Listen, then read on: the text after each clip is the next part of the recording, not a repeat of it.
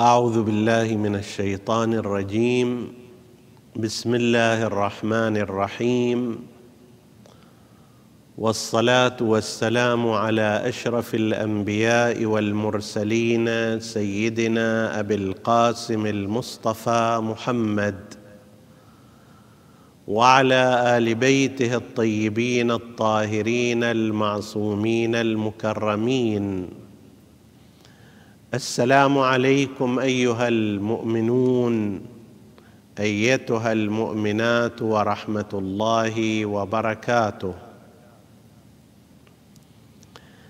في تتمة دعاء الإمام الحسين عليه السلام في يوم عرفة بعد أن يعدد الدا بعد أن يعدد الداعي. جانبا من النعم الإلهية عليه شخصيا. رب بما خلقتني وقد كنت عن خلقي غنيا. رب بما برأتني رب بما أغنيتني وأقنيتني. وهكذا يشير إلى النعم المباشرة على هذا الإنسان الداعي نفسه في اعتراف منه بهذه النعم وفي موقف حمد منه لبارئ هذه النعم وخالقها. بعد ذلك يأتي الدور في الطلب والمسألة. ما هي حاجات هذا الإنسان؟ بالرغم من أنه فيما سبق قال اللهم اجعل النور في بصري اجعل غناي في نفسي وهكذا لكن هذه مطالب من نوع آخر. بعد أن توسل إلى الله بنعمه عليه على الداعي وبعد أن حمده على ذلك قال صل على محمد وآل محمد. وهذه كما ذكرنا جزء من الدعاء ليس امرا تزيينيا فقط بل ورد عندنا في أحاديث المعصومين عليهم السلام أن ابدأ دعاءك بالصلاة على محمد وآل محمد وأنهي دعاءك بالصلاة على محمد وآل محمد وادع فيما بينهما. فإن الله عز وجل أكرم من أن يستجيب في الطرفين ويترك الوسط.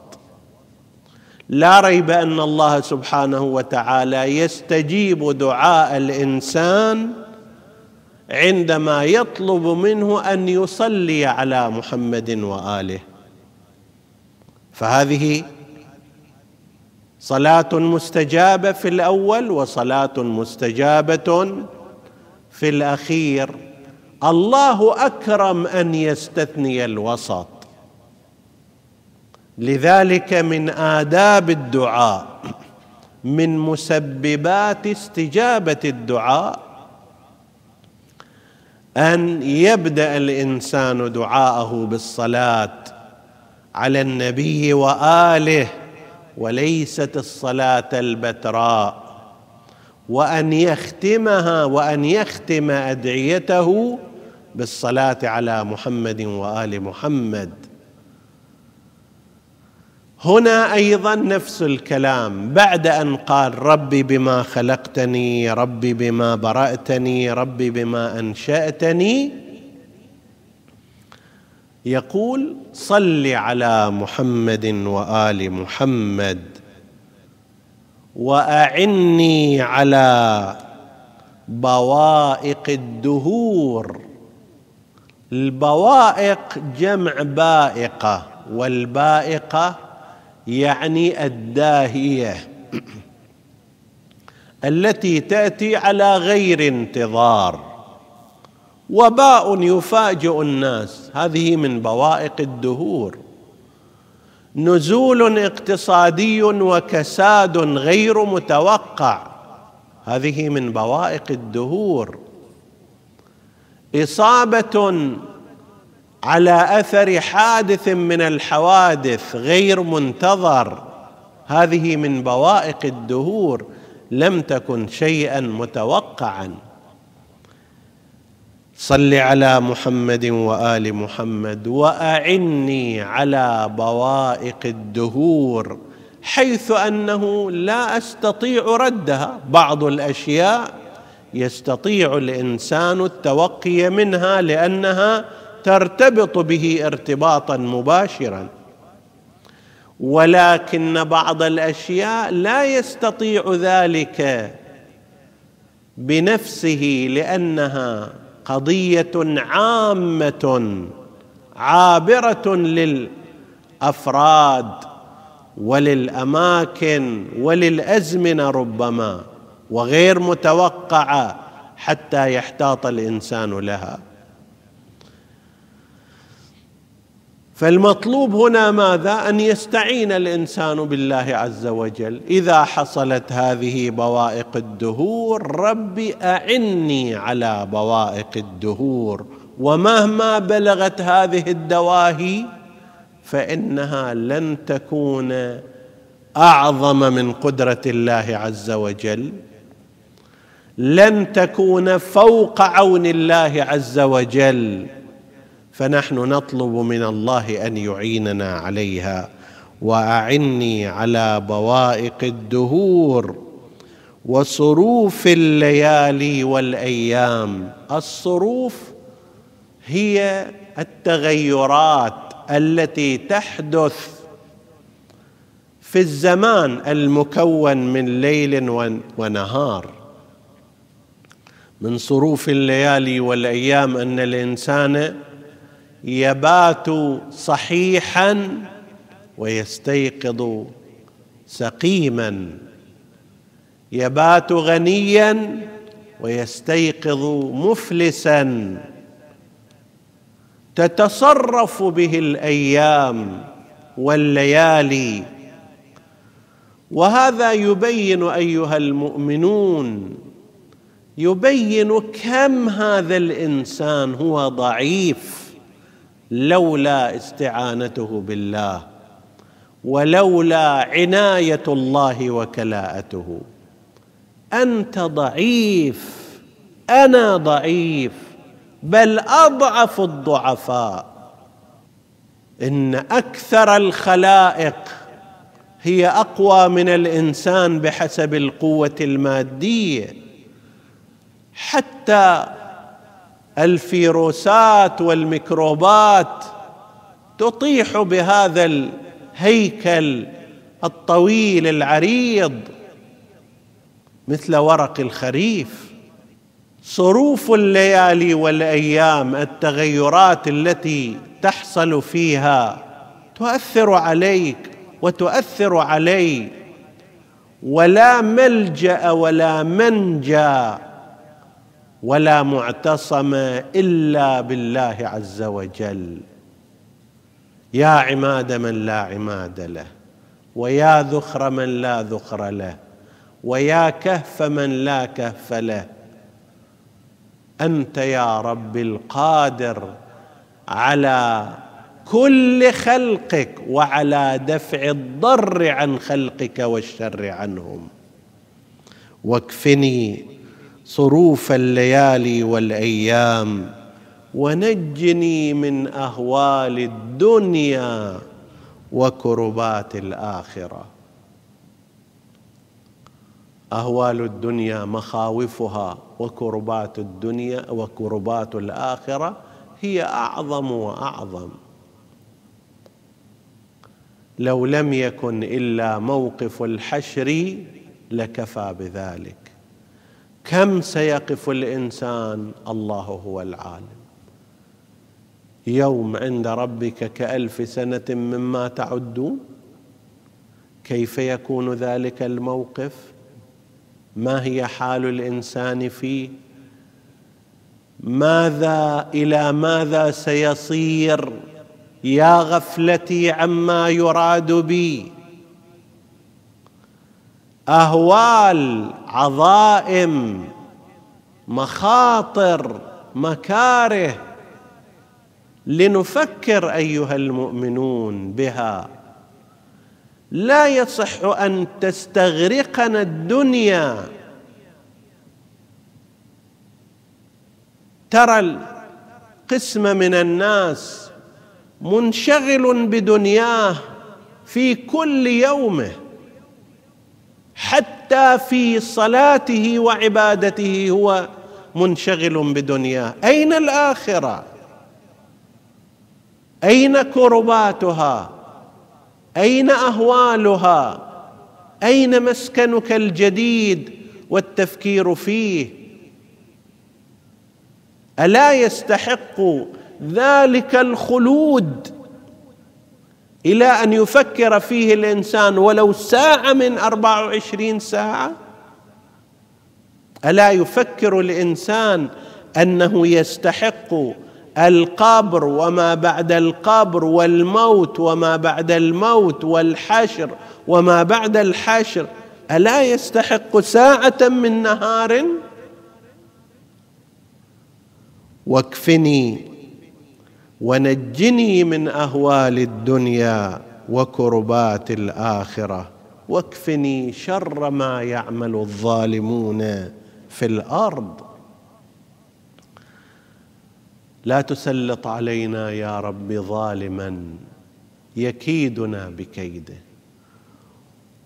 وهذا يستدعي الا نكون نحن ظلمه.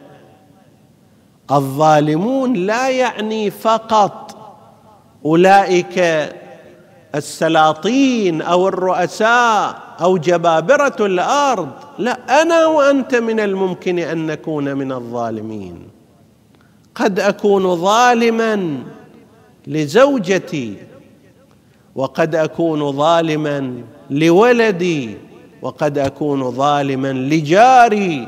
وقد أكون ظالما لمن يعمل عندي وقد أكون ظالما لمن يكون في الشارع. فإذا كنا نستعيذ من شر ما يعمل الظالمون هذا يقتضي أن لا نكون نحن ظلمة ولو بهذه المقادير. وأيضا نسأل الله سبحانه وتعالى أن يكفينا شر ما يعمل الظالمون. خلق الله بعض الخلق ليكونوا رحماء ليكونوا عبيدا له رحماء على خلقه وإذا بهم يتفننون في ظلم الغير وفي ظلم الخلق. ماذا ينتظر هؤلاء من العذاب؟ وهل يظنون أنهم خالدون في هذه الدنيا؟ كم لعب هؤلاء الظالمون بمصائر أناس؟ يأتي طاغية وعلى أثر وهم عنده يقوم بتهجير مئات الآلاف من البشر يقوم بسجن عشرات الآلاف من البشر يقوم بمصادرة الأموال الطائلة من الناس وقد تكون أنت وأمثالك من ضحايا هؤلاء الظالمين. لذلك ينبغي أن يلح الإنسان على ربه أن يا رب اكفني شر ما يعمل الظالمون في الأرض. واحيانا بعض الظلم يتخذ قراره في أقصى البلاد ولكن تصل آثاره إلى هذا الإنسان. قد يكون في ذلك القسم من الكرة الأرضية. يتخذ ظالم قرارا ولكن أثره وضرره يصل إليك وأنت في النصف الثاني من الكرة الأرضية. اللهم اكفنا شر ما يعمل الظالمون ونجنا من كيدهم ومن ظلمهم. اللهم ما أخاف فاكفني وما أحذر فقني. وفي نفسي وديني فاحرسني وفي سفري فاحفظني. المخاوف التي تتوجه إلى الإنسان وأعمال الأشرار التي يحذر منها يا رب اكفني إياها. ما أحذر مما أعرفه وما أخاف حتى لو لم أعرفه من ضررهم وشررهم وشرهم بل من كل الأخطار سواء كانت من بشر أو من حشر أو من غير ذلك أنت يا رب يا ربي القادر على أن تقيني وأن تحفظني وأن تكفيني فافعل ذلك وفي نفسي وديني فاحرسني. حفظ النفس وحفظ الدين أمران مهمان. لا يقل حفظ حفظ الدين أهمية عن حفظ النفس لأن الدين هو والالتزام به والالتزام به هو جوهر حياة هذا الإنسان وبدونه تكون هذه الحياة لا قيمة لها وهذه النفس لا أهمية لها. وفي سفري فاحفظني حيث أن السفر غالبا هو أكثر في أخطاره من الحضر. الحضر الإنسان يعيش في بيئته وفي وطنه وبين معارفه ويعرف المعادلات الجارية فيه فالغالب أن الأخطار المتوجهة إليه وهو في حال حضر في بلده هي أقل من الأخطار المتوجهة إليه في حال السفر. ولذلك يستحب للإنسان عندما يريد السفر أن يقرأ وأن يقرأ عليه أدعية الحفظ وأذكار الحفظ. فالله خير حافظا وهو أرحم الراحمين. وأمثال ذلك مما ورد في كتب الأدعية يا حافظا لا ينسى ويا من نعمه لا تحصى أنت الذي قلت وقولك الحق إنا نحن نزلنا الذكر وإنا له لحافظون ثم يدعو الإنسان ربه بأن يحفظه أو أن يحفظ مسافره. وفي سفري فاحفظني وفي أهلي ومالي فاخلفني الله أكبر. ما قاله رسول الله صلى الله عليه وآله فيما روي عنه وما أكمله أمير المؤمنين عليه السلام مما يرتبط بهذه الفقرة. ورد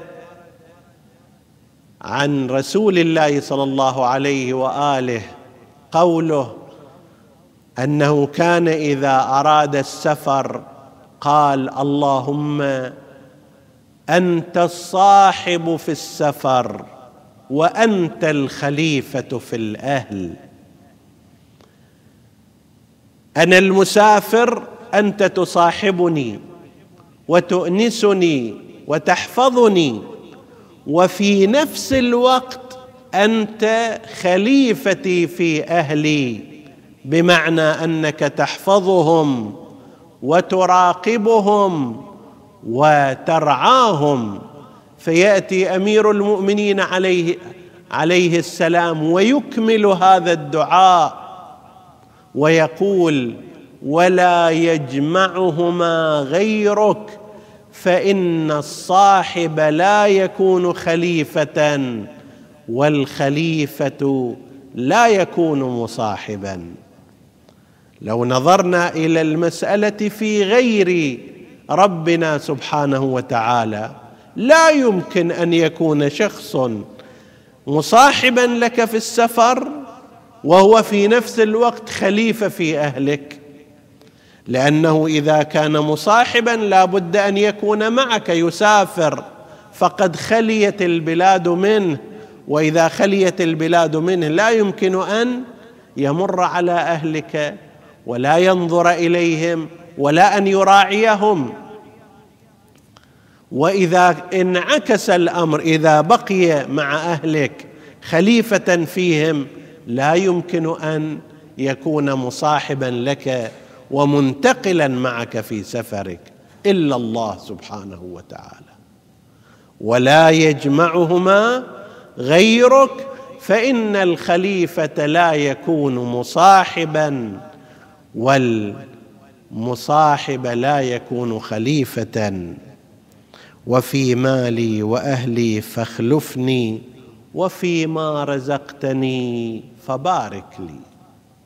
مفهوم البركة أيها الإخوة من المفاهيم الموجودة والوجدانية بالرغم من أن قسما من الناس يقول ماذا يعني بركة؟ إما عندك مال وإما ليس عندك مال. فماذا يعني البركة؟ معنى البركة أن الجانب الغيبي الذي يمثله الله سبحانه وتعالى وهو الرازق حقيقة وإنما أنت تسعى لكن الرازق هو الله. إلى ذلك يشير ما ورد في التعقيب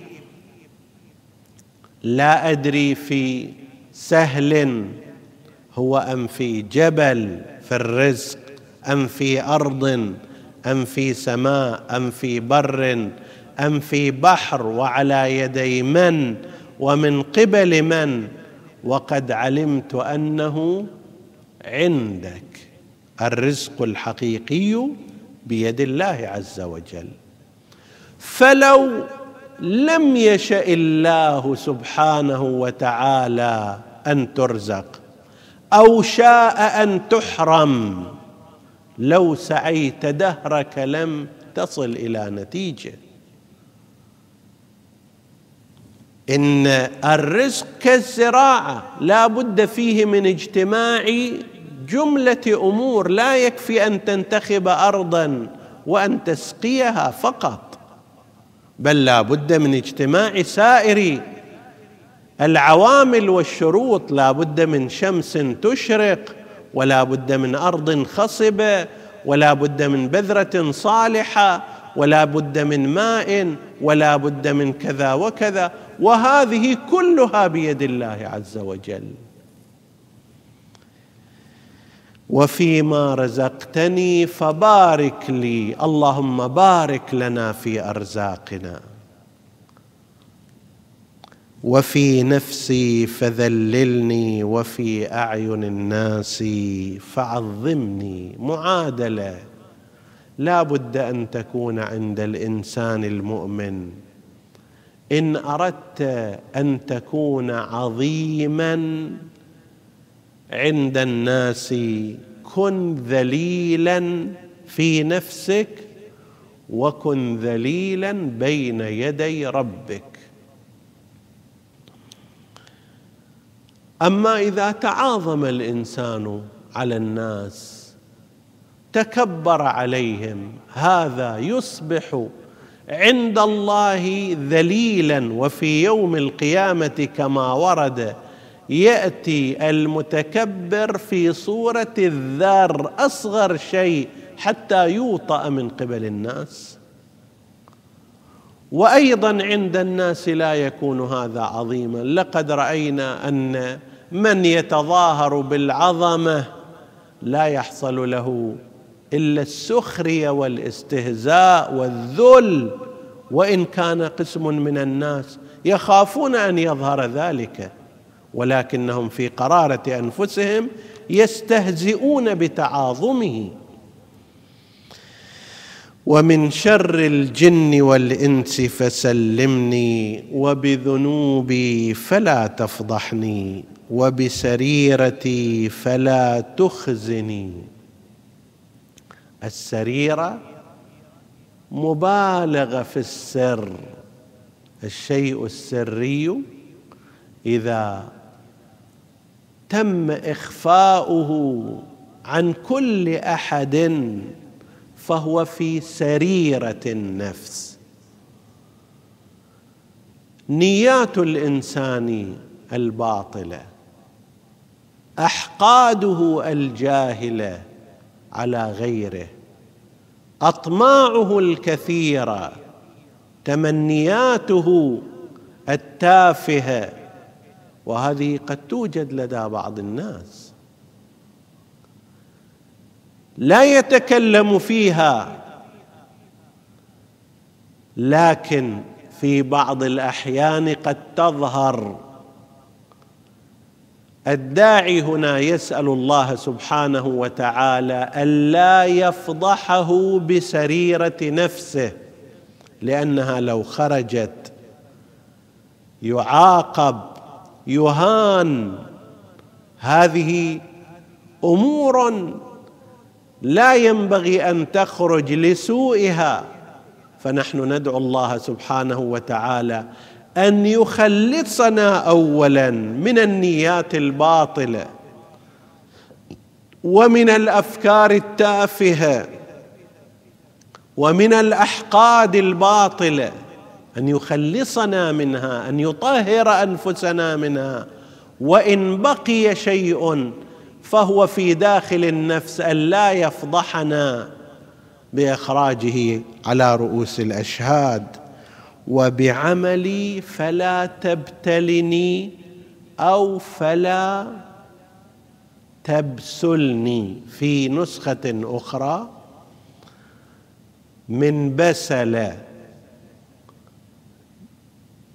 بسل يعني غضب مع كراهة. ومنه سمي الأسد بالباسل لأنه وجهه وجه غاضب لا سيما في حالة الافتراس والمواجهة والقتال.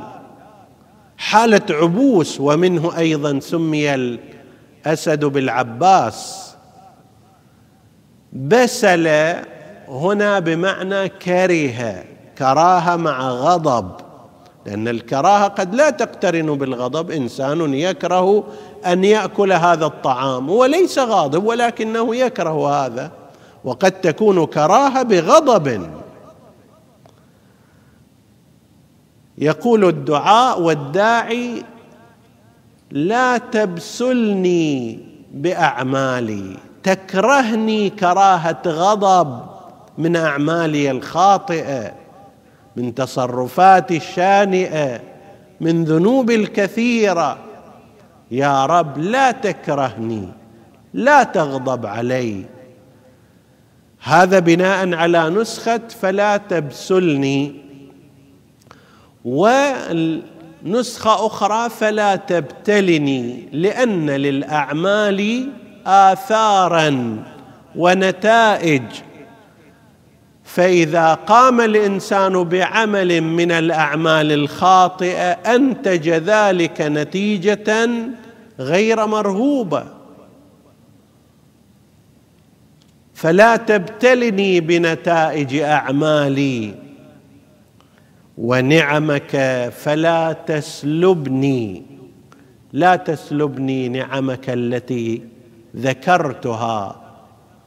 السمع والبصر والخلق السوي والغنى والإحسان إلي والستر علي والكلاء لي لا تسلبني يا رب هذه النعم. ولعل بقرينة نعمك فلا تسلبني نحن نحتمل أن نسخة فلا تبسلني هي النسخة الأقرب لوجود نوع من المجانسة بينهما. وهذا من المبالغه بأن يأتي بفعلين متشابهين في في الحروف إلا أن هناك تقديما وتاخيرا في الحروف هذه فتعطي معاني أكثر. هذا من البلاغة كما يذكره علماء اللغة والبلاغة. نسأل الله سبحانه وتعالى أن يتم علينا نعمه وأن يواتر علينا أفضاله.